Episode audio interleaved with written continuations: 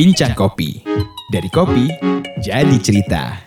Dipersembahkan oleh Bilo Coffee. Selamat datang di Bincang Kopi bersama dengan saya, Dian. Hari ini di studio kami telah hadir seorang slanker, yaitu Mirza Lukman Effendi. Mirza merupakan barista veteran. Karir Mirza membentang sampai 17 tahun di industri kopi Indonesia. Halo, uh, Bung Mirza, bagaimana kabarnya? Halo, baik banget. Uh, senang banget ada di Bincang Kopi Podcast ini. Uh, sebuah kehormatan ya bisa bisa ada di sini. Gitu. Oke. Okay. Sibukan lo apa nih, Jak, belakangan nih? Ya, kerja sih sebetulnya. Mostly terus sisanya paling ya masih tetap ngulak-ngulik ngulak-ngulik lah yang namanya kopi.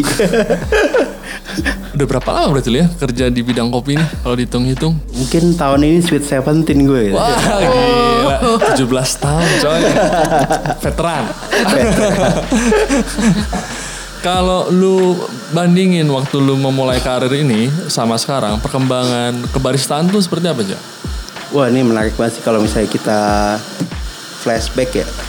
Awal kompetisi itu kan ada 2004 kalau nggak salah 2004 kompetisi nasional namanya Indonesian Barista Competition ya. Belum championship ya namanya. Belum ya? championship ya kan. Dulu juga gue sempat ikut tuh yang awal banget gitu kan. Karena benar-benar yang barista itu mungkin Nah kayak sekarang orang uh, lulus kuliah pengen jadi barista dulu boro-boro gitu kan. Kesasar bilang ya. iya. gitu. Nah di situ gue bilang uh, perkembangannya tuh dari dulu yang orang cuma mungkin bisa dihitung jari siapa aja yang tahu ya orang minum kopi juga masih banyak konvensional caranya nggak lebih kayak sekarang lebih uh, niche gitu ya dan uh, barista-barista dulu tuh uh, ya klasik sih sebetulnya dibikinnya espresso, cappuccino, latte ya kan nggak ada kreasi lainnya. Latte art pun itu baru muncul sekitar kayak sama sih kisaran 2004-2005 itu pun masih banyak etching ya kan. Uh, dulu lucu juga sih gambarnya uh, Taj Mahal oh, ya gitu, kan? batik oh, gitu. Ya. Karena etching sih.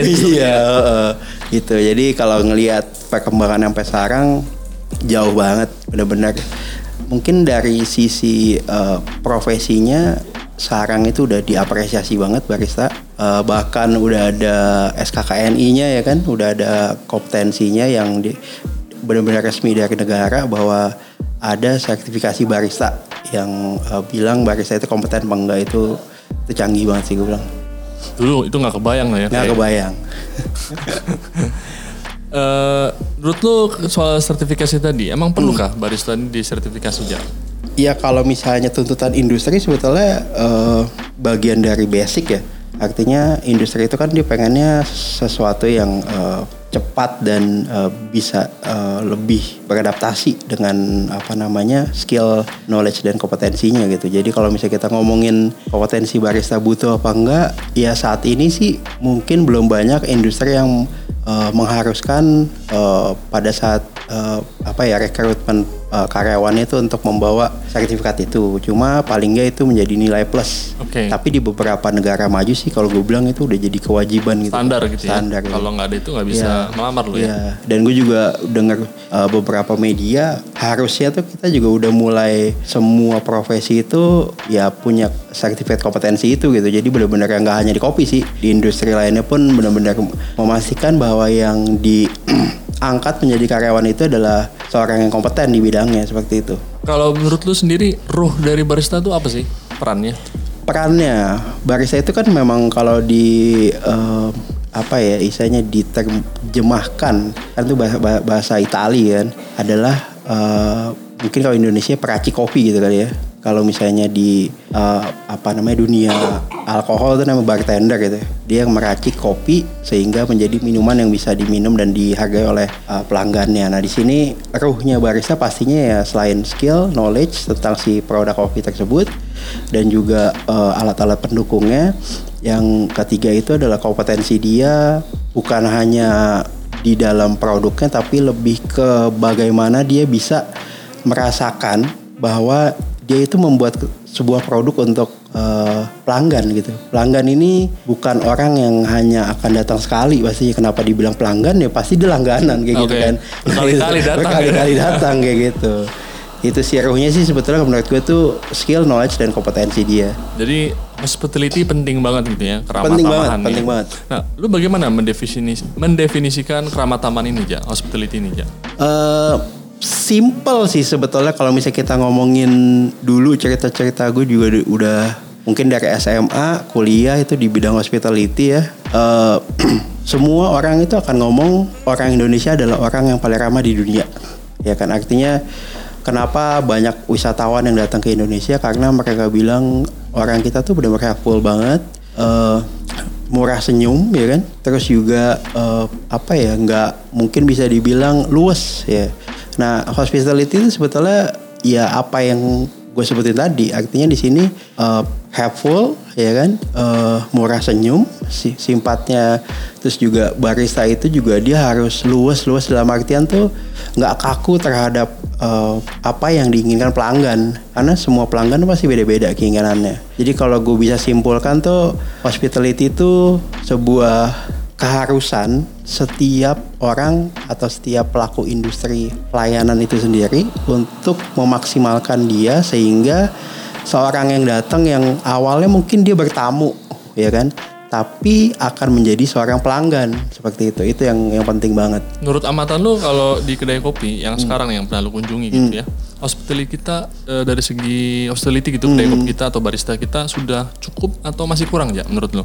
eh kalau bi dibilang cukup mungkin masih ada ruang untuk diperbaiki. Kalau dibilang kurang mungkin udah jauh berkembang daripada di Banding sebelumnya. banding sebelumnya ya. Karena sebetulnya kalau misalnya orang bilang hospitality ya kalau misalnya kita ngomongin di kompetisi kebaristaan pun itu ada nilainya gitu. Kenapa sih itu bisa dinilai? Karena dia juga yang tadi dia udah bisa eh, apa ya punya keahliannya ya kan? Dia punya pengetahuannya dan juga punya kompetensinya. Dan jadi akhirnya dia tuh confidence untuk membuat istilahnya atau mempertontonkan keahliannya di depan orang gitu. Nah jadi kalau misalnya kita ngomongin ruangnya seberapa di industri ini sekarang ya tergantung awalnya sih Artinya kan yang direkrut untuk menjadi seorang barista tuh eh, nggak semuanya punya background dari sekolah barista atau kursus barista gitu kan ada juga orang yang benar-benar yang eh, ya udah yang penting gue kerja gitu kan. Nah di situ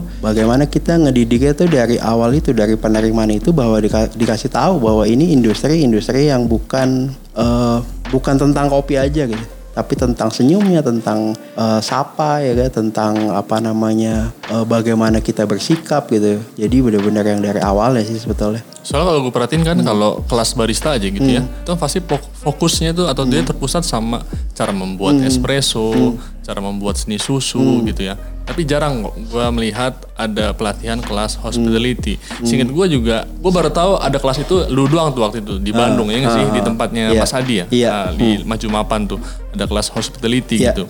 Di sayang sama terakhir tuh ada kasus kan yang ojol itu di Bandung ya sampai ada pertengkaran barista sama driver. Di sayang sama lagi terakhir gue pernah ngeliat postingan lu ja, lu ngeluh juga soal pelayanan di suatu kedai Iya. gitu. Ah. Jadi maksud gue di tengah eh, oke nih barista mulai sadar iya bang gue atau iya mbak gue emang masih kurang ramah nih tapi gue harus belajar ke mana nih? Ketika dia juga tidak sekolah aja dalam artian eh, lu kan dulu sekolahnya pariwisata ya pasti ya diajarin gitu. Nah kalau ini kan rata-rata lulusan SMA kalaupun eh, dia kuliah tapi ya jurusan juga bukan pariwisata Iya. gitu. Di sana sama kelas pun nggak ada nih. Iya. Nah, gimana lu ngeliat ini ja? Nah, ini fenomena yang menurut gue nih harusnya dicermati oleh pelaku industri sebagai next step untuk industri kopi lebih maju lagi gitu. Artinya kita benar banget basicnya belajar kopi menjadi seorang barista pasti espresso gitu kan bisa ya, setting grinder, bisa dialing espresso dengan baik, steaming susu, ya kan bikin uh, latte art and so on so on. Cuma setelah itu apa sih yang harus disiapkan yaitu ya skill dari untuk uh, servisnya gitu karena pelayanan itu kan eh, akan membuai customer ya. Terkadang kita ngomongin kopi ya, ya jujur aja apalagi sekarang lu tutup mata juga lu dapat kopi yang udah enak lah nggak kayak dulu gitu kan. Lu harus milih-milih kedai si A si B sekarang nggak semuanya even di gerobakannya lu bisa menikmatin Kopi yang cakep yang gitu ya. cakep banget gitu karena industri udah naik banget masalah kayak dari hulunya pun green bean ya udah gampang lah gitu. gampang lu nggak nggak karena usah cari di Instagram pun bisa loh iya di Tokopedia di Iya. Instagram udah udah gampang banget dulu harus ke kebun gitu Benar. Nah sekarang yang membedakan ya ya hospitality-nya gitu. Kenapa sih orang harus ke kedai A gitu? Karena memang menurut gue, gue pengalaman gue pribadi ya, gue tuh senang banget orang yang bisa uh, paling nggak menghargai kedatangan gue sebagai customer. Karena gue di situ beli purchase. Pada saat uh, gue dikecewakan dari hal yang kecil pun misalnya kayak contoh barista uh, barista nggak senyum banget sih nih gitu kan. Kayak gue ngerasa kayak gue dateng nih ya mau beli paket gitu. Bukan mau beli kopi lo doang gitu kan. Gue mau beli paket. Paketnya itu apa sih? Paketnya ya produknya ya kan people-nya dan juga environment-nya gitu. Artinya uh, dari sisi bahkan ya mungkin kebersihan uh, kursinya ya kebersihan area outlet tersebut juga itu bagian dari hospitality gue bilang. Itu yang membuat gue nyaman gitu. Kalau kita ngomong tiba-tiba ada uh, barista yang dia mikirnya adalah kopi gue enak banget nih. Lu nggak akan bisa dapet di mana pun gitu. Oke gue hargain gitu. Tapi pada saat lo kagak senyum ya gue akan menganggap kayak ya gue juga bisa bikin kopi gitu kan. Ya, kan? itu sih yang nah. yang yang banyak orang tuh agak sedikit melupakan gitu bahwa industri kopi itu industri pelayanan gitu dan lo merasakan itu kita emang kurang sekali ya? Iya, yang gue bilang tadi masih ada ruang lah untuk untuk dikembangkan. Gue sih senang banget kalau misalnya semua orang uh, peduli sama uh, yang namanya hospitality. Akhirnya uh, ini kita kalau ngomongin industri kopi kan secara luas ya, secara makro masyarakat itu saat ini mungkin masih 50-50 ya antara mau jadi pelanggan kopi atau produk lain. Karena misalnya contoh dia punya di kantongnya duit 50 ribu. Nah, gue mau nongkrong di mana nih? Kalau ngomongin nongkrong lu bisa di mana aja, nggak hanya lu minum kopi kan lu bisa minum apa pun gitu lu bisa makan apa pun gitu tapi kalau misalnya industri kopi semuanya meningkatkan pelayanannya ya pastinya dia dengan secara tidak langsung akan mengembangkan si market share juga gitu artinya semua orang tuh pasti akan ke kedai kopi karena itu ada tempat paling nyaman gitu itu yang dia akan tuju gitu ini ada contoh lah ya kita hmm. ambil contoh nih misalkan gue datang ke suatu kedai uh, itu kan modelnya sekarang adalah kita datang nih pelanggan ke hmm. bar untuk order. Hmm. Setelah order diproses, kita nunggu juga tuh di bar area yeah. bar untuk mengambil sendiri gitu. Yeah. Saya kan order here, take here.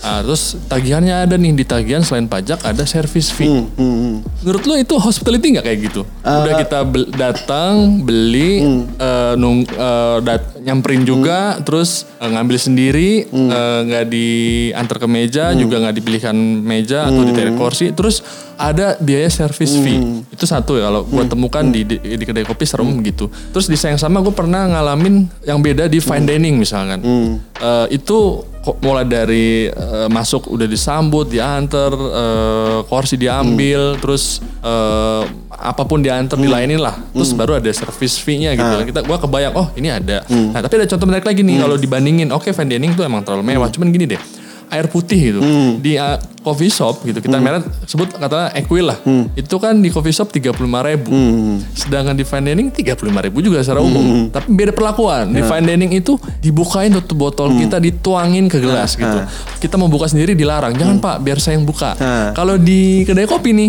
tiga puluh lima ribu juga yang katanya hospitality hmm. tapi kita ambil sendiri tuang hmm. sendiri nah lu tuh gimana aja Ya kalau misalnya kita ngomongin service charge, itu gue dulu juga pelajarin ya waktu gue di SMA ya waktu itu gue di SMK Protelan gitu ya. Itu memang uh, sebuah imbalan dari pelayanan yang diberikan oleh satu tempatnya gitu kan. Nah di sini memang uh, ya lu harus melayaninya seperti tadi lu sebutin di fine dining itu artinya uh, pelayanan yang maksimal gitu kan makanya dia akan memungut si uang servis itu untuk sebetulnya dikasih ke karyawannya hmm. jadi entah itu 5% 10% itu atau 11% kalau di hotel itu untuk karyawan bukan untuk company-nya hmm. kan nah itu untuk uh, apa ya stimulate si karyawan itu untuk untuk giat gitu lah ya giat gitu untuk benar-benar memantapkan service levelnya Cuma kalau ada beberapa gue juga punya pengalaman beberapa tempat yang gue pikir lu nggak layak sih ngambil service charge gitu kan. Uh. Artinya lu nggak melayani secara maksimal. Lagi pula juga kayak uh, apa ya? Apa yang gue dapet tuh ya gue ngelakuin sendiri gitu. Jadi gue berpikir mungkin itu adalah service charge untuk ya Soal itu sih kalau misalnya gue berpikiran itu untuk company-nya menyenangkan si karyawannya kayak hmm. gitu kan jadi kayak jadi salah kaprah gitu harusnya dari customer ke uh, pelayannya bukan customer ke company ke pelayannya kayak gitu. Jadi lu juga sebenarnya nggak setuju gitu ya iya. kalau dengan cara gitu ya artinya benar-benar pelanggannya emang ngurus sendiri loh. Benar, gitu. benar. Gue berapa kali tuh beli biji kopi bahkan uh. suatu kedai. Uh, gue datang ke bar, terus gue milih sendiri, terus gue bayar, eh ada service fee. Lah, eh, fee, uh, service apa ya? Kan nggak dilayanin gitu.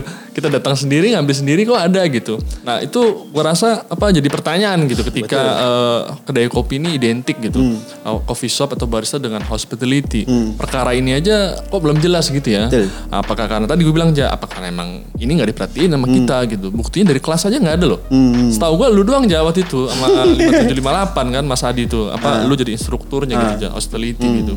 Nah, waktu itu pengalaman lu gimana tuh pas ngajar waktu itu, Ja? Sebetulnya sih kalau gue bilang ag- waktu itu emang agak gue juga agak kaget sih maksudnya 5758 minta gue untuk bantu ngajar so, apa modul hospitality yang di mana ya memang itu bukan kebiasaan kebanyakan sekolah kopi gitu kan. Ya, sekolah kopi banyak kan ng- ngajarinnya lebih ke teknikal gitu kan. Tapi di situ gue appreciate bahwa ada yang memulai gitu. Artinya ada yang memulai dan pada saat gue isanya uh, facilitate kelas itu banyak banget pesertanya tuh yang benar-benar berpikir bahwa oh ternyata ini ngaruh penjualan ya. Cuma Oh, bukan cuma bikin kopi enak iya, doang gitu. ya. iya kan? Oh ternyata ini tuh benar-benar yang membuat uh, isanya uh, benar-benar kata pelanggan itu benar-benar ada gitu. Artinya orang itu pasti akan nyari orang sih? Yang gue bilang sekarang tuh kompetisi di du- industri kopi itu bukan akan mencari kopi yang terbaik tapi barista terbaik gitu. Barista terbaik dari dari menurut gue dari keseluruhannya gitu ya Lu bilang paket tadi tuh paket ya. tadi gitu. hanya produk gitu iya, ya. jadi orang tuh pasti eh ke sini aja yuk, bukan karena kopinya enak gitu. Karena kopi itu udah ya udah harus enak gitu Nah, udah. apalagi di tengah sekarang banyak Iya, pilihan aja ya. Iya. Nggak bisa bilang kopi kami beda padahal suppliernya banyak gitu ya. Iya. Kayak gitu sih. Jadi nah ini Ja, numpung nih Ja, kan gua gak tau, mungkin lu berkenan gitu. Mungkin lu bisa cerita sedikit Ja. Hospitality itu kalau eh, misalnya lu nggak bayangin nih pendengar podcast ini adalah murid lu lah gitu. Kira-kira lu bisa berbagi gak sih tips paling rendah deh eh, dia- yang diharapkan dari barista dalam segi hospitality, mereka harus apa sih untuk melayani tamu gitu? paling simpel banget ya senyum ya. Karena muka orang kan beda-beda tuh ya. Kadang-kadang ya karena apalagi kita ada di eh, berapa 700 lebih suku gitu kan. Oh, oke. mukanya beda-beda gitu kan. Pada saat dia nggak senyum itu mungkin akan merepresentasikan sebuah eh, keraguan. Artinya orang yang lihat nih orang bete banget sih sama gue gitu kan. Sebetulnya dia nggak bete Ah. ya kan? Dia emang gitu mukanya ya kan?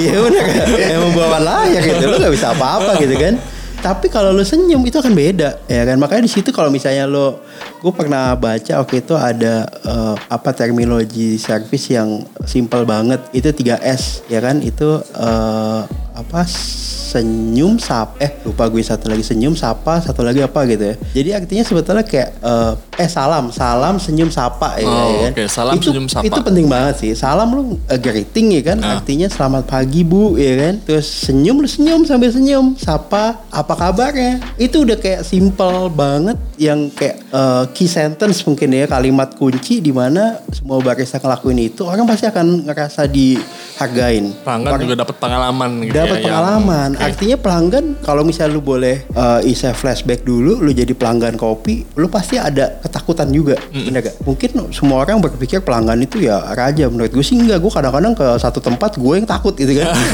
Ya, bener loh, gue sering kan? gitu loh. Iya gak? Ini gimana sih pelayanan? gue takut malu nih. ya. Iya Takut salah nyebut, Iya, salah pesan gitu.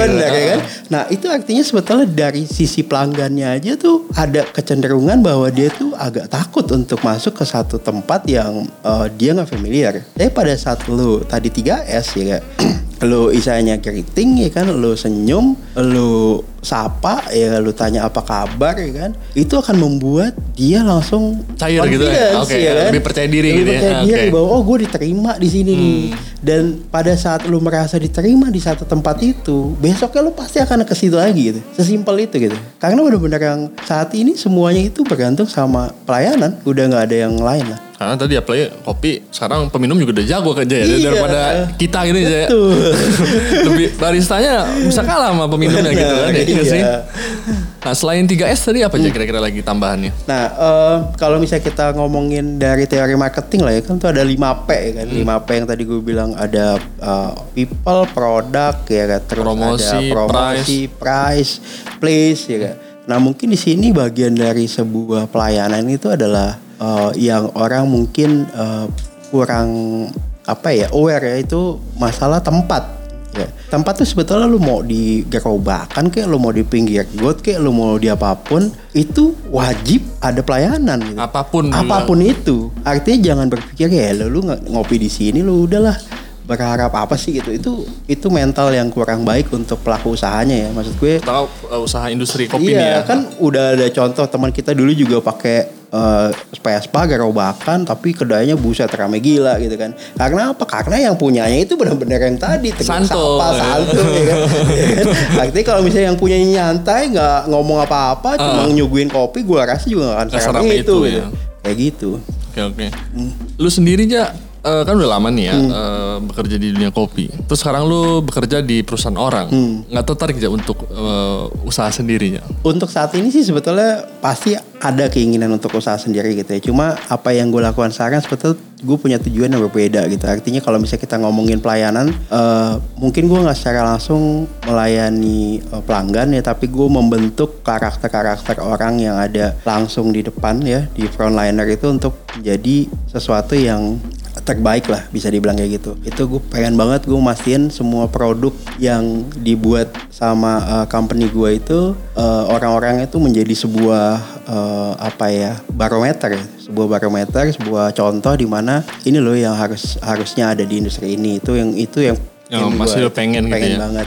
Terus kedua juga gue juga mau melayani pihak hulu gitu. Artinya uh, selama ini gue berpikir kayak uh, kita tuh ini banget gitu. Mau misalnya kayak bisa dibilang kita cuma um, menjadikan uh, industri ini sebagai bisnis yang which is wajar ya gitu. tapi apa sih yang kita harus lakukan lebih? Yaitu kita harus memberikan pelayanan di hulu juga gitu. Artinya apa yang kita udah jual di sini kita pengen juga dimanfaatkan oleh pelaku-pelaku industri di hulu sana para petani itu buat benar-benar bisa menjadikan eh, apa ya manfaat kita ada di hilir itu juga bisa menjadi eh, modal kerja mereka gitu. Jadi gue kebanyakan juga kerjasama sama beberapa pihak untuk bisa paling nggak memberikan sumbangsi kayak pembibitan kayak misalnya pelatihan kecil kayak misalnya kita misalnya eh, apa ya kita prom- bukan bukan promosikan secara langsung sih sebetulnya kayak eh, ya kita paling nggak kita rekomendasikan untuk eh, kopi-kopinya itu untuk bisa di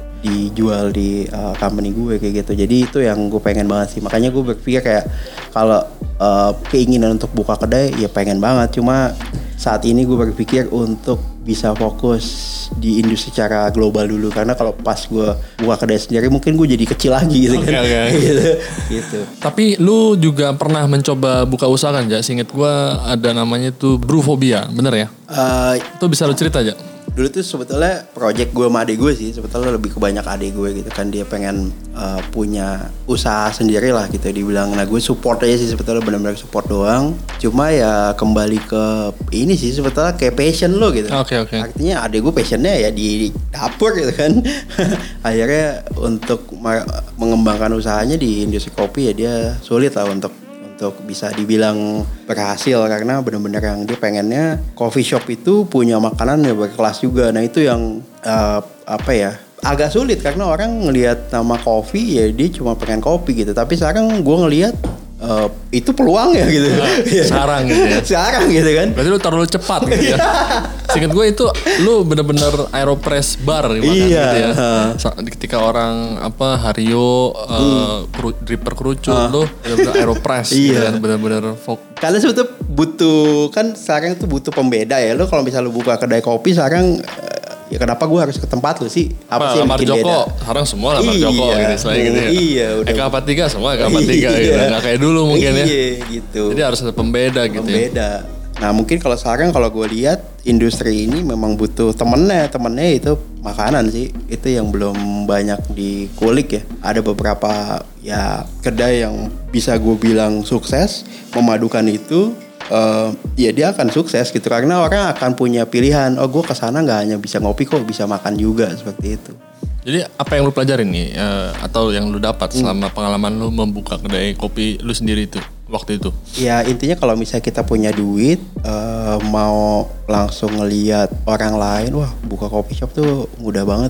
Menggoda emang kayaknya ya. Menggoda Kesannya kan, kayak ya. gampang nih iya, bisa gampang loh. banget small Kita nggak bisa sih. interaction, iya, iya kan. terus juga ya lu cuma bikin espresso kasih susu jadi cappuccino gitu gitu banget gitu ya sebetulnya harus dipikirkan balik sih artinya eh, apa sih yang membedakan kedai lu dengan kedai orang lain ya gitu. terus juga produk lu yang membedakan apa sedangkan semua sekarang udah sama gitu terus juga eh, kembali ke baristanya ya. Barista itu sekarang momoknya adalah eh, behavior attitude ya kan? Benar-benar yang eh, sebagai business owner lu sulit ngontrol jam per jam kan? Lu pasti akan cuma mantau dari jauh gitu. Itu yang uh, kurangnya gitu. Jadi ada beberapa misalnya contoh kayak uh, kedai itu di Menteng tuh Jalan Surabaya yang ownernya langsung jadi barista. Nah itu yang dibutuhin sih sebetulnya gue bilang. Kalau lo nggak bisa kayak gitu lo nggak akan bisa mem, apa mem- mempresentasikan produk lo seutuhnya gitu. Kalau lo sebagai owner lo ada di belakang bar belakang mesin kopi lo akan benar-benar passionate banget lo akan benar-benar menganggap customer lo tuh layak dihargain. Ya itu yang membuat dia sukses gue bilang. Makanya lu sampai sekarang belum terjun total ya ke buka usaha karena konsekuensinya lu harus berhenti gitu kan. Betul. karena lu pengen konsep lu begitu ya. Iya. Pemilik sekaligus Iya. oh kebayang gua. Gitu. Jadi kalau Bung Mirza nih buka kedai, buka sendiri, ada dia di kedai, berarti udah berhenti dia. gitu toh. iya Waktu buka Brupowia pernah ini nggak menemukan pendekar kan ada. Biasanya tuh baristanya gimana menghadapi Hmm. pendekar gitu. Jelasin dulu dong pendekarnya apa. Eh, yang suka Multitafsir loh pendekar Oh, pendekar multita, multitafsir Iya ya. bisa negatif bisa positif kan tergantung. Hmm. Yang negatif kali ya. Ya. yang nanya-nanya, yang maksudnya ada yang nanya tapi yang so tahu gitu maksudnya Oh, mungkin so tahu gitu ya. Itu Ini- gimana tuh? Bahkan jadi perbincangan kan di Iya. kalangan baristanya Betul. juga gitu. Mungkin ini pertanyaan kesekian ya sama gue tentang pendekar. Oh banyak ditanya Banyak juga. banget gitu kan. Cuma yang selalu gue tanya kita semua itu sebetulnya sebelumnya pendekar loh. Ya kan secara nggak langsung. Sudah pasti, Jak. Udah pasti gitu kan. Pasti ya. Sudah Iya, pasti Iya, ya. kayak yang Jejak digital kita banyak aja zaman dulu Jak. Mau Adi, mau lu, mau gua gitu kan. Iya kan. Itu kita semua sebetulnya pendekar. Jadi yang membuat pendekar-pendekar itu ya kita juga. gitu kan. Kita cuci tangan gitu sekarang aja. ya jadi artinya sebetulnya mereka tuh keinginan tahu mereka lebih mereka baca buku mereka lihat YouTube melihat melihat uh, sumber di internet apa pun itu dan mereka merangkum menjadi sebuah uh, bidang uh, sebuah ilmu yang menurut dia itu yang benar. Yaitu uh, sah sah aja sih sebetulnya. Kayak serese apa pun ya mau itu dibilang uh, dia wah So tahu gitu. tahu atau apa ya dia pelanggan gitu Kita harus tetap melayani Tetap dengan baik layani gitu ya. gitu. Itu Artinya kalau- hospitality kan kayak gitu Betul. ya. Oke. Dia nanya ya dijawab gitu. Kita Artinya tahu kalau bisa bilang nggak tahu gitu. betul. Artinya tidak haram kalau lo bisa ditanya sama pelanggan lo belum tahu sesuatu. Itu malah lebih baik dibandingkan lo jadi so tahu juga gitu. Oke, jangan Iya, kan? so tahu dibalas so tahu gitu Benar. ya. Akhirnya jadi double pendekar. Apa pendekar kuadrat? Benar. Jadi gue dulu juga punya pengalaman tuh gitu. Gue terkadang gue juga ngelihat eh, itu sebagai fenomena yang wah ini ngeselin banget sih. Lo kayak sok tahu banget lu baru berapa lama sih di industri ini gitu. Cuma gue langsung mikir kayak dia tuh seperti itu karena sebetulnya dia ingin tahu kan. Pada saat lu menjawab, dia udah kok dia udah akan terjawab. Kalaupun di situ ada perdebatan atau diskusi itu wajar aja. Karena itu sebuah eh, kopi itu alirannya banyak ya. Kalau lo ngomongin kopi yang enak ya bingung aja lu jawabnya kayak gimana ya masing-masing punya pendapat. Nah di sini juga gue bilang em, apa yang kita harus lakukan sebagai eh, barista ya artinya jangan malu jangan takut untuk bilang saya belum tahu gitu. Saya akan cari tahu kalau udah tahu nanti saya akan kembali ke, kamu gitu. Nanti kita diskusi lagi. Itu akan lebih wise lebih lebih bijaksana lebih bisa eh, menetralisir eh, apa ya eh, emosi mungkin ya gitu. Karena kan emosi duluan gitu. Kalau misalnya contoh lo ke satu kedai yang punya SOP yang eh, udah ada tiba-tiba lu suruh rubah dia juga bingung baristanya karena gue biasa ngelakuin kayak gini nih terus tiba-tiba lu suruh gue bikin eh, gramasinya eh, lu rubah airnya panasnya lu rubah ya dia akan nggak familiar dengan itu gitu. Sedangkan ya kebanyakan kita itu belajar berdasarkan apa yang diajarkan gitu, bukan apa yang kita ketahui gitu. Itu yang ini sih. Tapi gue setuju sih, Ja. Eh, memang benar kok. Fenomena pendekar ini ya kita juga yang membentuk gitu. Kenapa kita harus ngakui itu ya? Nah, misalkan gue juga inget banget kok. Ketika ke kedai gitu misalnya ada pelanggan, eh, Mbak ada gula atau Mas ada gula atau tidak? Kan jawabannya sederhana. Iya. eh, ada atau tidak gitu. Tapi kan perilaku kita adalah, wah kalau gula nggak ada di sini karena eh, bisa merusak kopi dan sebagainya gitu. Yang pelanggan tadinya nggak tahu jadi tahu kan sebenarnya. Oh begitu mas, oh begitu mbak, gula merusak dan sebagainya. Akhirnya dia jadi dapat informasi gitu kan. Artinya dulu kita percaya banget tuh pelanggan harus diedukasi lah bahasanya. Ketika pelanggan udah berhasil nih diedukasi katakan gitu jadi pinter, eh kita yang ini ya sebel ya. Oh pendekar, padahal padahal kan bukan tujuannya itu supaya pelanggan jadi lebih pintar gitu. ya. Iya. Terus pas dipinteri gitu jadi malah kita yang nyesel gitu ya. Iya. itu lucu juga sih gitu. Buat gue ironis nih gitu ya.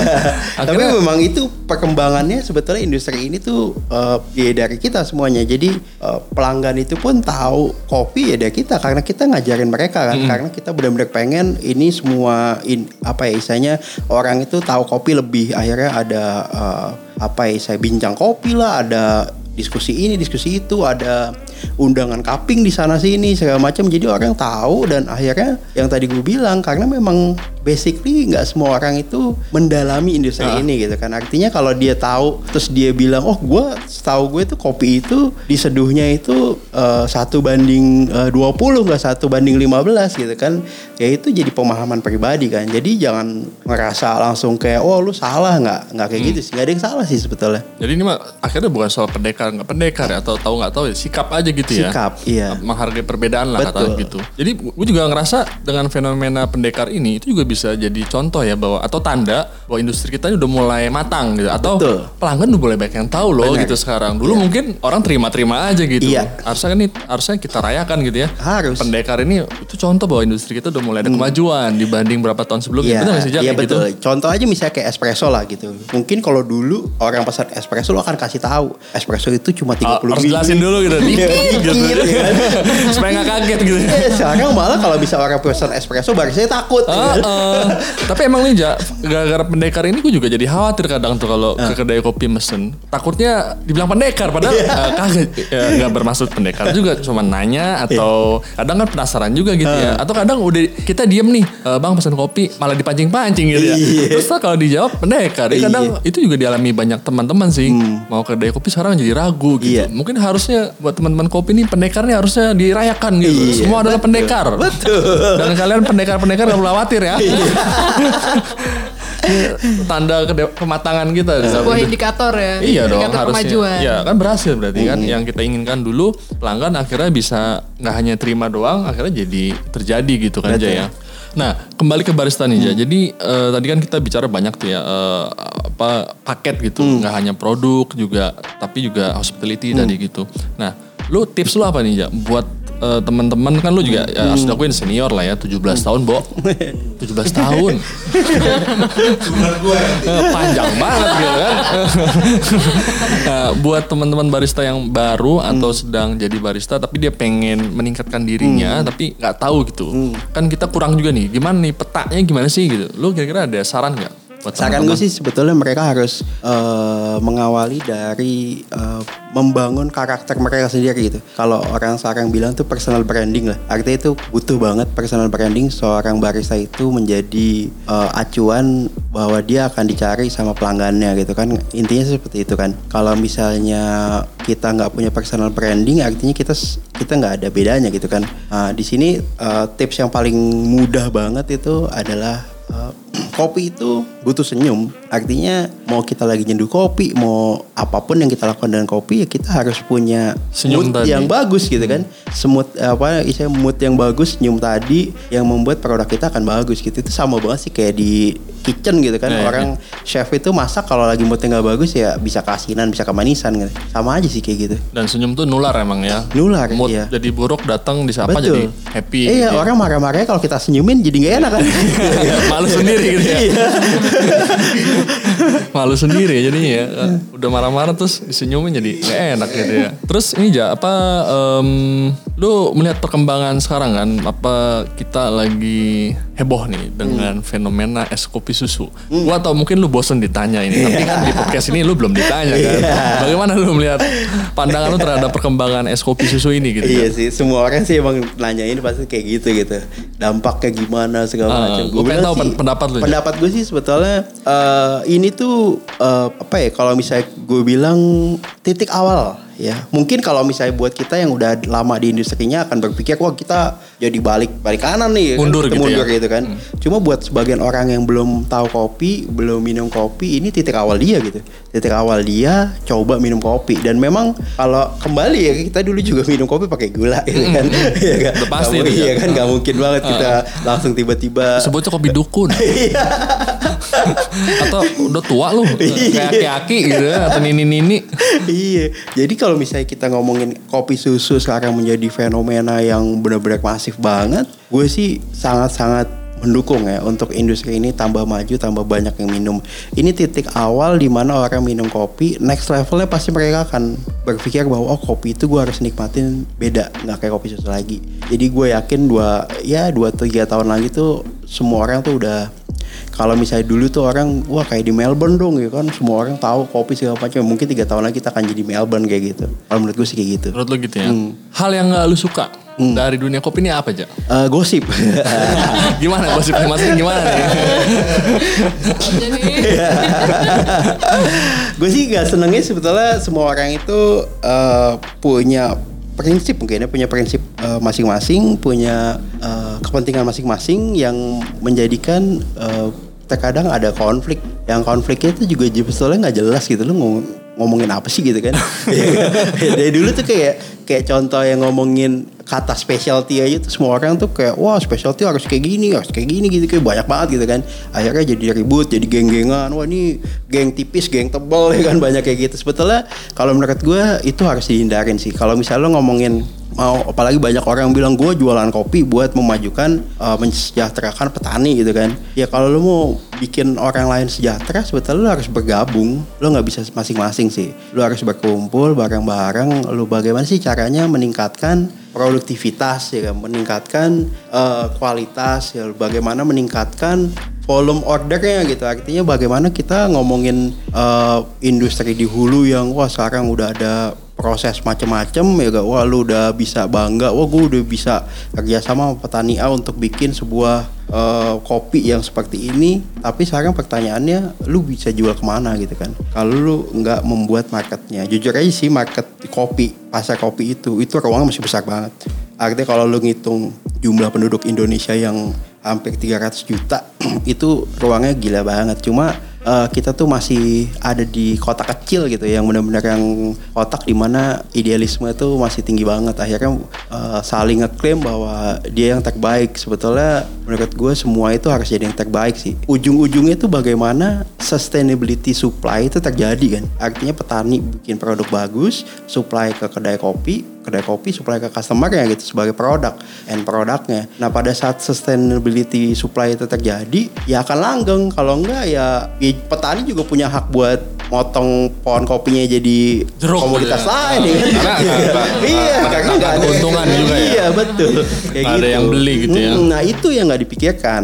Gue juga ngeliat sih es kopi susu ini peluang banget gitu. Iya. Jual kopi hitam 10 gelas, 10 gelas sehari itu kayak berat gitu loh. Iya. Dengan es kopi susu orang bisa ribuan ya. Betul. Gak kebayang loh, Ja, dulu, hah jual kopi sehari 1000 gelas? Itu gak kebayang gitu loh. Hmm. Dulu kan kita kopi hitam cappuccino ya, itu 50 gelasnya udah angkat tangan kita. Betul. Maksudnya hebat loh gitu. Sekarang 1000 gelas ya. Nah. Itu kan betapa banyak ya yang diserap dari hulu gitu Ja ya. Hmm. Nah, eh, lu juga juri aja ya.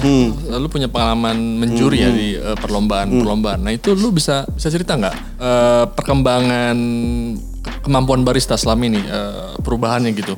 Perubahannya tuh mungkin peningkatannya bisa dibilang ribuan kali lipat kali ya. Ribuan bahkan ribuan ya. kali lipat gitu bahkan eh, kayak terakhir kemarin gua ngeliat tuh yang di Smesco ya kan ada barista championship sama brewers cup itu gue ngeliat wah gila ya barista sekarang bener-bener yang kreatif banget bener-bener punya sesuatu yang baru untuk di dipertontonkan. Eh, intinya karena apa dulu mungkin terbatas untuk mencari sumber ya kan? Sekarang tuh sumber itu lu nggak perlu lu nggak perlu be- beli buku kok buku udah ada di internet. Lu nggak perlu nanya orang lu bisa lihat YouTube ya kan? Udah udah sumbernya udah banyak banget. Dan ternyata barista kita itu potensinya menurut gue secara intelijensia itu tinggi banget. Dia bener-bener bahkan kalau lo tahu Brewers Cup yang baru kemarin juaranya tuh ya orang mungkin nggak ada yang kenal gitu kan? Siapa sih dia gitu kan? Tapi gue tahu banget dia itu ngulik kopi gila banget gitu. Itu sih kalau gue bilang benar-benar yang mereka tuh benar-benar ngedalaminnya lebih dari kita dulu. Kalau lo pernah ke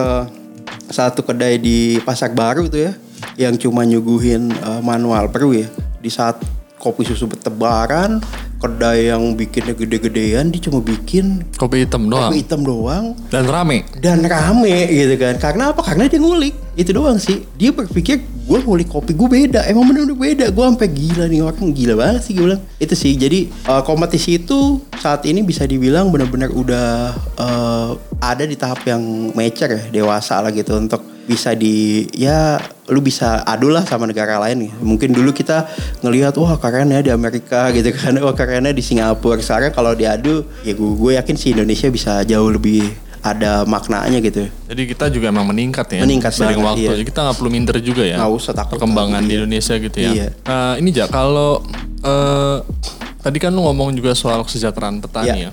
Lu bagaimana tuh ngelihat isu itu? Karena gue lihat juga banyak roster misalkan eh, jual kopinya kayak tidak ada air mata petani Iya. kopi ini, jangan sampai ada air mata petani. Nah, itu menurut lu gimana tuh ja? Apakah emang semudah itu ja membantu petani dengan kita membeli kopi ke mereka langsung misalkan terus jual? Sih gimana sih? Kan lu punya pengalaman juga Hmm. Iya. di hulu kan, panjang gitu. nggak mudah sih sebetulnya bantu petani kalau kita ngomongin wah gue jualan kopi buat bantu petani ya berapa banyak sih yang lu jual gitu kan pertanyaan seperti itu kan artinya petani itu produksi kopinya mungkin setahun skala keluarga lah ya small uh, farmer gitu ya yang bisa dibilang dia cuma punya setengah hektar kebun paling setahun dia bisa menghasilkan 300 kilo misalnya gitu kan.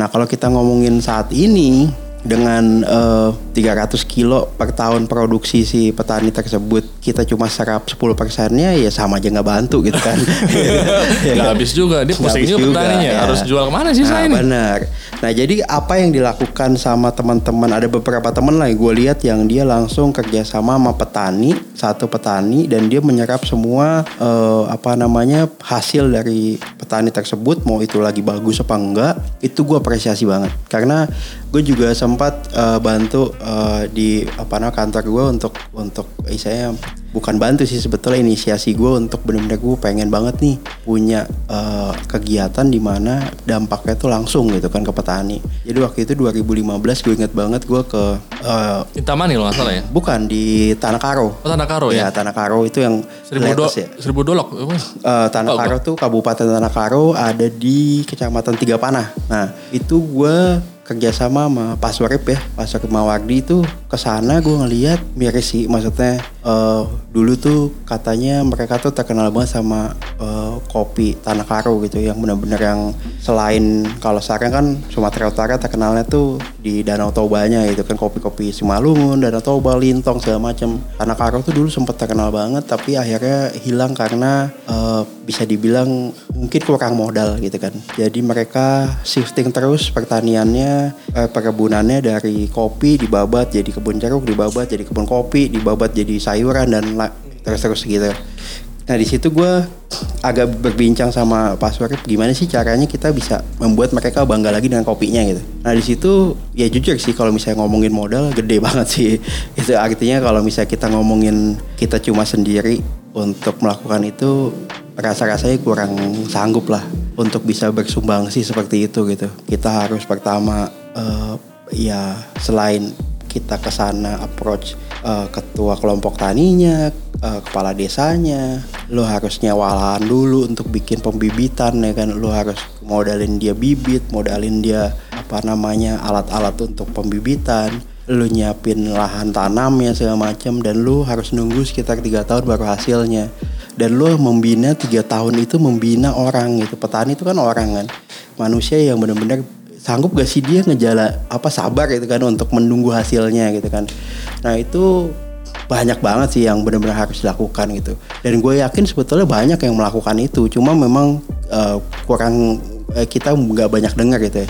Nah kalau misalnya semua orang udah ngelakuin itu mengekspos itu akhirnya itu bisa jadi influence bahwa kita contoh misalnya kayak kedai kopi kecil mungkin dia nggak mampu untuk melakukan itu sendiri. Tapi kalau kita berkumpul ya lu sisihkan aja isa penjualan isa satu dua persen lah lu urunan segala macam lu bisa kok bantu petani langsung gitu.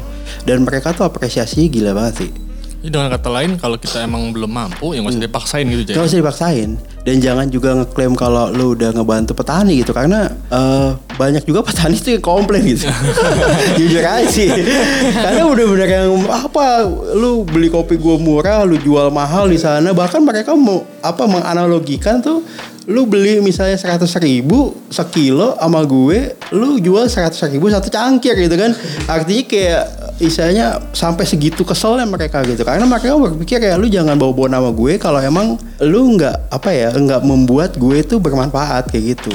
Iya nggak ngasih impact gitu. Kemarin kemarin gue juga ngundang naras- narasumber Hmm. tuh kebetulan dia pengolah di Simalungun. Dia juga eh, eh, mempunyai lahan juga kebun Ah. petani itu. Dia juga curhat tuh kayak gitu aja. Kadang gue bertanya nih Bang Lian, yang dibantu tuh gua atau gue bantu mereka gitu ya.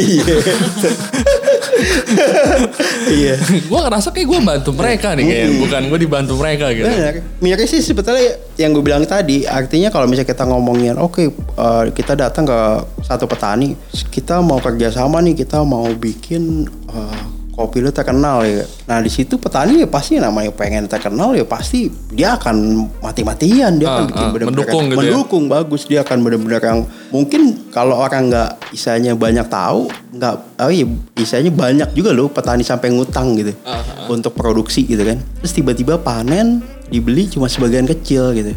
Nah sulit loh. Lu ngomongin pertumbuhan coffee shop di hilir sekarang segitu masif, di hulu juga pertumbuhan petani segitu masif pak. Ya, ya. Iya kan? Banyak pengolah baru. Banyak gitu. pengolah baru Dan gitu. usianya pun lebih muda sekarang. Bener dan mereka nggak semuanya punya pengalaman kayak senior senior kayak yang tinggal saya cari bayar di luar dibeli langsung satu kontainer dua kontainer. Ini enggak dia masih jual kiloan gitu. Nah artinya di sini kalau misalnya kita mau bantu tuh kita ngaca dulu kita bantunya tuh bisanya seperti apa. Kalau emang lu cuma bisa nyumbang lu kasih aja udah langsung oh pak gue bisa nyumbang buat kebun lo sebulan let's say misalnya satu juta biar dia juga nggak berharap banyak artinya jangan sampai kita tenang pak nanti lu akan gue bisa Dijanjikan banyak hal gitu. Ya kan Janji manis. Iya, gue sebagai distributor lu segala macam pas lagi mereka lagi off panennya, mereka lagi kurang bagus, eh, apa namanya kualitasnya terus ditinggalin, iya gak? Itu yang yang gue bilang sih jahat banget sih. Artinya jangan sampai kita tuh menilai kopi cuma dari kualitas, tapi lebih ke engagement. Sebetulnya eh, kopi itu kalau misal orang ada tuh eh, gue lupa yang bikin uh, tagline Coffee Connection di Bali kalau nggak salah ya, itu bikin klub gitu namanya Coffee Connection. Itu benar sih. Coffee itu connect kalau misalnya ngeduplikat uh, apa namanya satu brand handphone tuh kan coffee connecting people lah gitu kan kayak gitu kan. Artinya lu jangan sampai lu cuma beli terus udah tapi lu bener-bener lu kalau emang lu mau kerja sama ya udah hidup mati lu sama dia gitu Jadi su- suka dan duka ya Suka dan duka saling bahu gitu. gitu, ya. Iya.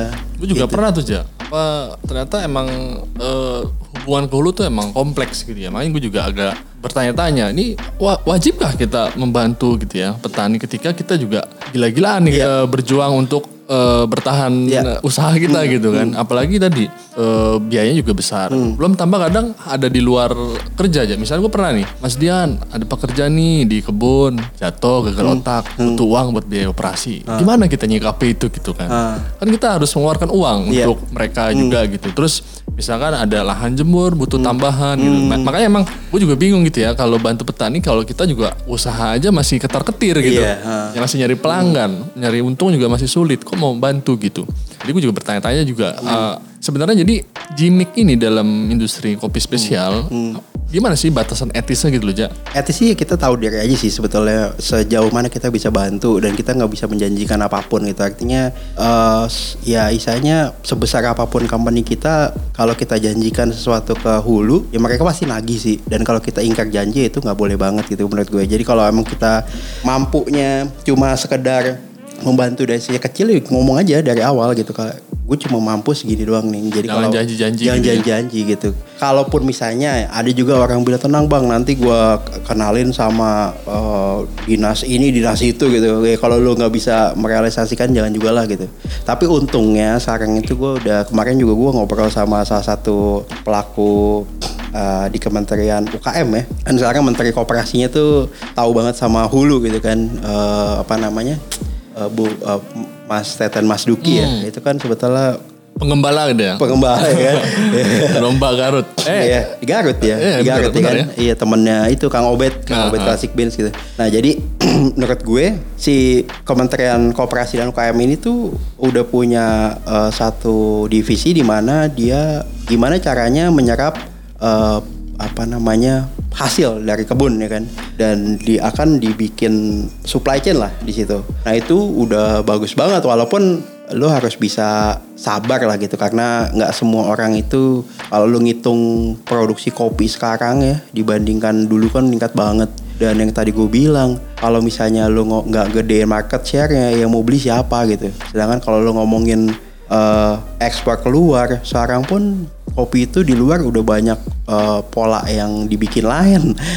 Gue dulu pernah ke salah satu pabrik di pengolahan kopi di uh, Sumatera ya. Gue kaget sih gitu kan orang Jerman itu nyari kopinya malah pixel. Karena mereka punya teknologi yang bisa memuliakan kopi kata gitu kan. Oh, gila kan gitu. gue bilang iya. Jadi mereka nggak butuh kopi bagus gitu. Nah itu yang pixel butuhnya. pixel ya kan? Nah itu kan ancaman banget buat kita kan. Artinya kalau misalnya kita bikin bagus-bagus ternyata demand di luar itu butuh Nyari pixel gitu. iya kan bingung kan lu masa lu bikin pixel semua gitu kan gitu Iya pernah dengar juga tuh Iya. ada satu negara apa pembeli dari Korea nyari kopi yang earthy malah Hmm. karena lebih diminati di sana katanya kan iya nyari nyari yang earthy malah yang bau tanah katanya Iya.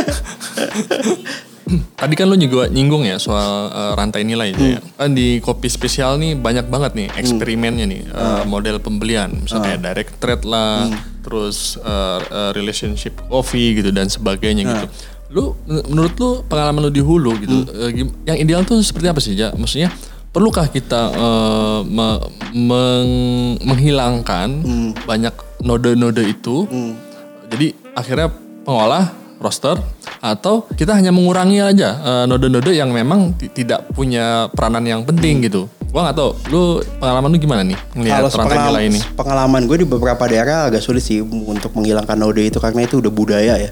Artinya rantainya udah seperti itu. Kalau lo jadi petani, lo punya produksi, panen lo lo harus jual ke si A dulu, si A ke B, ke B ke C, ke D dan seterusnya lah gitu. Dan itu udah budaya dan sulit banget kalau misalnya lo menghilangkan secara langsung artinya B, C, D-nya mungkin dia jadi jobless ya kan? Nggak punya ini. Tapi bagaimana membuat karya baru sih sebetulnya? Artinya menggandeng mereka itu untuk menjadi sebuah industri yang satu. Di situ ini permasalahannya kopi Indonesia katanya mahal. Bahkan gua ngomong sama beberapa ahli kopi di Indonesia iya memang termahal di dunia kata gitu kan. Harga green bean kita. iya green bean ini termahal di dunia gitu. Bahkan mengalahkan semua negara lah gitu. Nah ini yang menjadikan banyak eh, pelaku industri dunia itu ngelihat kopi Indonesia ya lu mahalnya doang kayak gitu kan, ya kan. nah ini kan sebetulnya harus dihilangkan kan stigma ini kan stigma doang kan nah untuk ngomongin eh, harga kopi aja lu wow udah macam-macam tuh kan misalnya formulanya ya kan lu juga nggak bisa menyalahkan eh, harga kopi naik terus karena memang ya Ya, biaya hidup juga iya, naik biaya, biaya gitu. hidup naik dan rantainya emang panjang banget Ah, gitu kan. ah. Nah, apa yang mungkin menurut gue harus dilakukan sebetulnya bukan domainnya kita sih, domainnya pemerintah gitu. Artinya membuat eh, sebuah dobrakan yang baru untuk bisa membuat petani itu bisa direct trade langsung tanpa ke noda-noda itu gitu. Dan itu gue nggak tahu sih kalau misalnya ngomongin domain pemerintah ya mungkin kebijakannya seperti apa gue nggak tahu sih. Cuma gue ide gue sih sebetulnya itu sih. Kurang lebih gitu lah Kurang ya. lebih gitu ya. Terkait ini ya kan tadi disinggung tuh eksperimen. Hmm. Jadi ternyata tanpa sadar kita nih eh, dari awal sampai sekarang misalnya lu 17 tahun Ah. lalu terus gue mungkin ya satu dekade doang lah ya lu lebih tua gitu misalnya lebih senior gitu kan. Kan perubahannya emang banyak gitu ya. Eh, barista makin maju Hmm. kemampuannya terus eh, kopi juga makin banyak. Bahkan sekarang Hmm. ada daerah ini oh tuh ada kopinya gitu. Dulu kita nggak pernah dengar tuh ada kopinya sekarang. Terus pengolah juga makin banyak yang muda. Hmm. nah ternyata sekarang juga banyak eksperimen eksperimen gitu kan. Kayak misalkan natural hydro honey, terus kupas kismis dan sebagainya. Lu ngeliat ini gimana aja perkembangan pasca panen? Kalau ada dua sisi sih. Kalau lu ngomong sama buyer di luar, dia akan cuma bertanya, lu ngapain sih ngelakuin itu gitu. Oh gitu. Karena mereka nggak butuh itu gitu. ya kan. Mereka butuh kopi Indonesia yang memang as, saya rasanya Indonesia gitu kan. Cuma itu kan gak cukup juga kalau misalnya lu ngomongin cuma lu pikirin ekspor keluar yang di domestik kayak gimana gitu. Sedangkan yang di domestik butuhnya seperti itu gitu kan. Nah, itu sih sebetulnya kalau menurut gue bagus banget untuk untuk untuk dikembangkan eh saya dua sisi eh, yang berbeda mungkin kutubnya tapi jalannya sama gitu. Artinya kalau misalnya lu bisa eh, serap misalnya proses-proses yang orang nggak banyak familiar dan itu rasa akan merubah rasa yang secara signifikan itu bagus banget gitu. Walaupun yang gue bilang tadi eh, pasarnya ada apa enggak gitu. Karena fenomenanya saat, saat ini kalau gue beda bedain antara kebutuhan domestik dan di luar ya. Kalau misalnya di luar, contoh lo di Amerika, di Eropa, orang itu bener kata lo gitu di Korea, di Jepang itu butuh kopi Indonesia yang earthy, spicy karena itu benar-benar yang nggak ditemuin di kopi Ethiopia, di Kolombia, di Brazil tuh nggak ada yang kayak gitu. Itu benar-benar uniquenessnya kopi Indonesia gitu. Lo ngomongin sama orang-orang yang senior di industri ini juga, wah akan membanggakan itu banget gitu kan. Ah, spicy, chocolatey gitu ya. Iya, lo kalau cupping sama senior-senior itu dia akan nyari spicy, Iya. artis segala macam gitu. Cuma kalau misalnya kebutuhan masa kini memang eh, domestik itu kalau lu jual kopi full wash di satu kedai ya, orang malah kayak ah lu klasik banget lu full wash," gitu kan. Jadul gitu ya. Jadul banget gitu. Bahkan mereka tuh maunya yang funky semua, Ah. fruity lah ini segala macam sampai eh, ada metode wine ya kan yang benar-benar yang nyelekit banget gitu funky-nya gitu. Ya kan? Ya itu ya itu yang Super funky. Heeh. Jadi pasarnya beda banget sih gue bilang. Jadi benar-benar yang kalau kita bisa memajukan itu dua sisi yang eh, isanya agak berbeda tapi lu bisa jalanin jadi satu tuh bagus banget. Kalau menurut gue sebagai orang yang suka ngulik kopi eh, yang funky-funky mungkin lu bisa jadiin manual brew ya kayak yang klasik-klasik itu lu jadiin espresso base itu. That's it lah untuk bantu mereka ya penyerapan seperti itu sih. Tadi kan gua sebelum podcast sama lu nih gua podcast sama Aston ya. Itu ada satu pertanyaan menarik, gue pengen nanya juga ke lu gitu. Lu pengen dikenang apa aja? Sebagai apa? Eh, dalam dunia kopi nih, Ja? Seorang Mizar Lukman tuh pengen dikenang apa gitu. Karena tadi tuh kita eh, bertanya kayak, eh orang masih inget, masih kenal Agustasi gak sih gitu kan?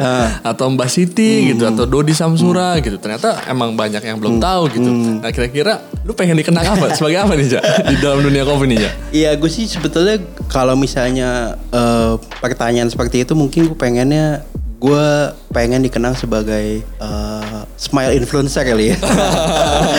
iya gue pengen banyak barista tuh lebih senyum lah. Lebih gitu. senyum ya. Ah. Emang sebegitu parah kan aja. Sampai senyum ini gitu ya. Karena gue kadang-kadang suka ngegelitik gitu ngeliat kayak eh, itu basic kan ya, senyum. Kedai baru banyak tapi kok senyumnya nggak ada gitu ya. Iya, gitu kayak lu senyum itu nggak pernah ngeliat sih gue orang nggak bisa senyum tuh nggak pernah nggak pernah lihat sih pasti pasti bisa senyum lah gitu Oke, kan. oke. Nah itu Bukan sesuatu yang sulit gitu ya bukan sebenarnya. sesuatu yang sulit dan lu nggak perlu kuliah gitu nggak perlu sekolah untuk bisa senyum tapi senyumannya komplit banget sih lu gitu kan itu aja sih bener-bener yang pokoknya intinya barista tuh lu harus bener-bener ramah senyum gitu karena dengan senyum itu yang tadi gue bilang itu akan mencairkan semuanya gitu Even lu misalnya dikomplain produk lo nggak bagus, lu senyumin aja, senyumin dulu. Abis lu senyumin, lu akan tahu apa sih sebetulnya yang diinginkan sama pelanggan lu gitu. Itu aja sih. Oke, jadi eh, apa Mirza pengen dikenang sebagai itu ya, pengaruh penyenyum gitu. Ya semoga sih ada pendengar podcast ini yang mulai oh ya untuk membuat senyum baristanya atau barista jadi senyum gitu ya. Kita berharap sih seperti itu ya. Oke ini Jas, eh, ternyata udah satu jam ternyata tanpa sadar nih ya. Walaupun untungnya beruntung kali ini tidak asam, tidak arabica, boleh merokok sambil siaran gitu.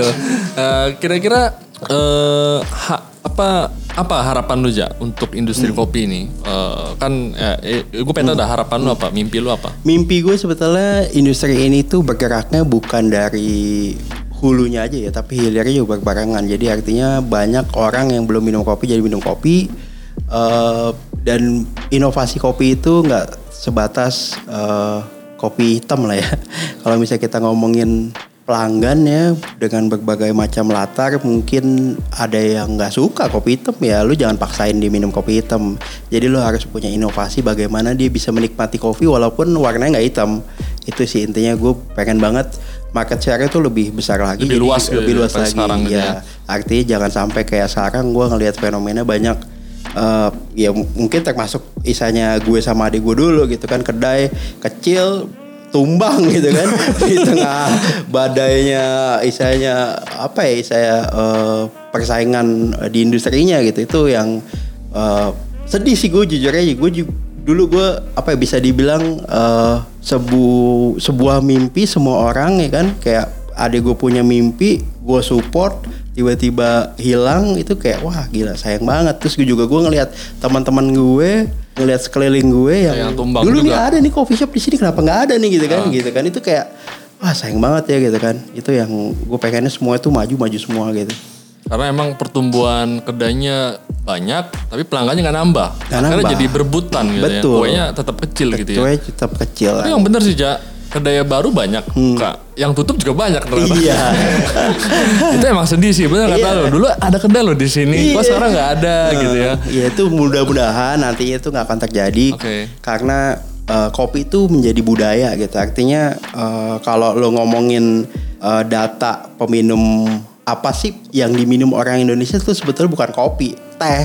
Lu tanpa sadari lu minum teh lebih banyak daripada kopi Dari gitu kan. data gitu ya. Iya, tapi ya itu yang gue bilang opportunity besar banget karena masih Ratusan juta aja. ratusan juta gitu rakyatnya gitu. Makanya investor banyak banget ke sini kan mikirnya ngeliat wah gila ada dua 275 juta ya masa sekarang kan Ya, ya itu. Australia mungkin setara lah sama Jabodetabek jumlah Nah, orangnya. iya kan? Artinya kalau menguasai Jabodetabek, menguasai benua Australia Iya. gitu kan. Dari segi jumlah gitu kan. Nah, Mungkin sekarang belum ketemu formula yang pas aja nih untuk bikin orang minum kopi setiap hari. Gitu kan. Itu yang dibutuhin kedai sih menurut gue ya. Itu ada lu punya pelanggan yang setiap hari datang. Gitu. Itu lo akan bertahan lah. Sabar ya mending Iya, emang ya. ini emang kopi ini melatih kesabaran. Oke Ja, terima kasih Ja ya Siap. atas eh, waktunya sudah berkenan berbagi di podcast ini. Hmm. Demikian perbincangan saya dengan Mirza Lukman, salah satu senior. terima kasih Ja. Ya, thank you. Terima kasih telah mendengarkan Bincang Kopi. Sampai bertemu lagi di episode berikutnya.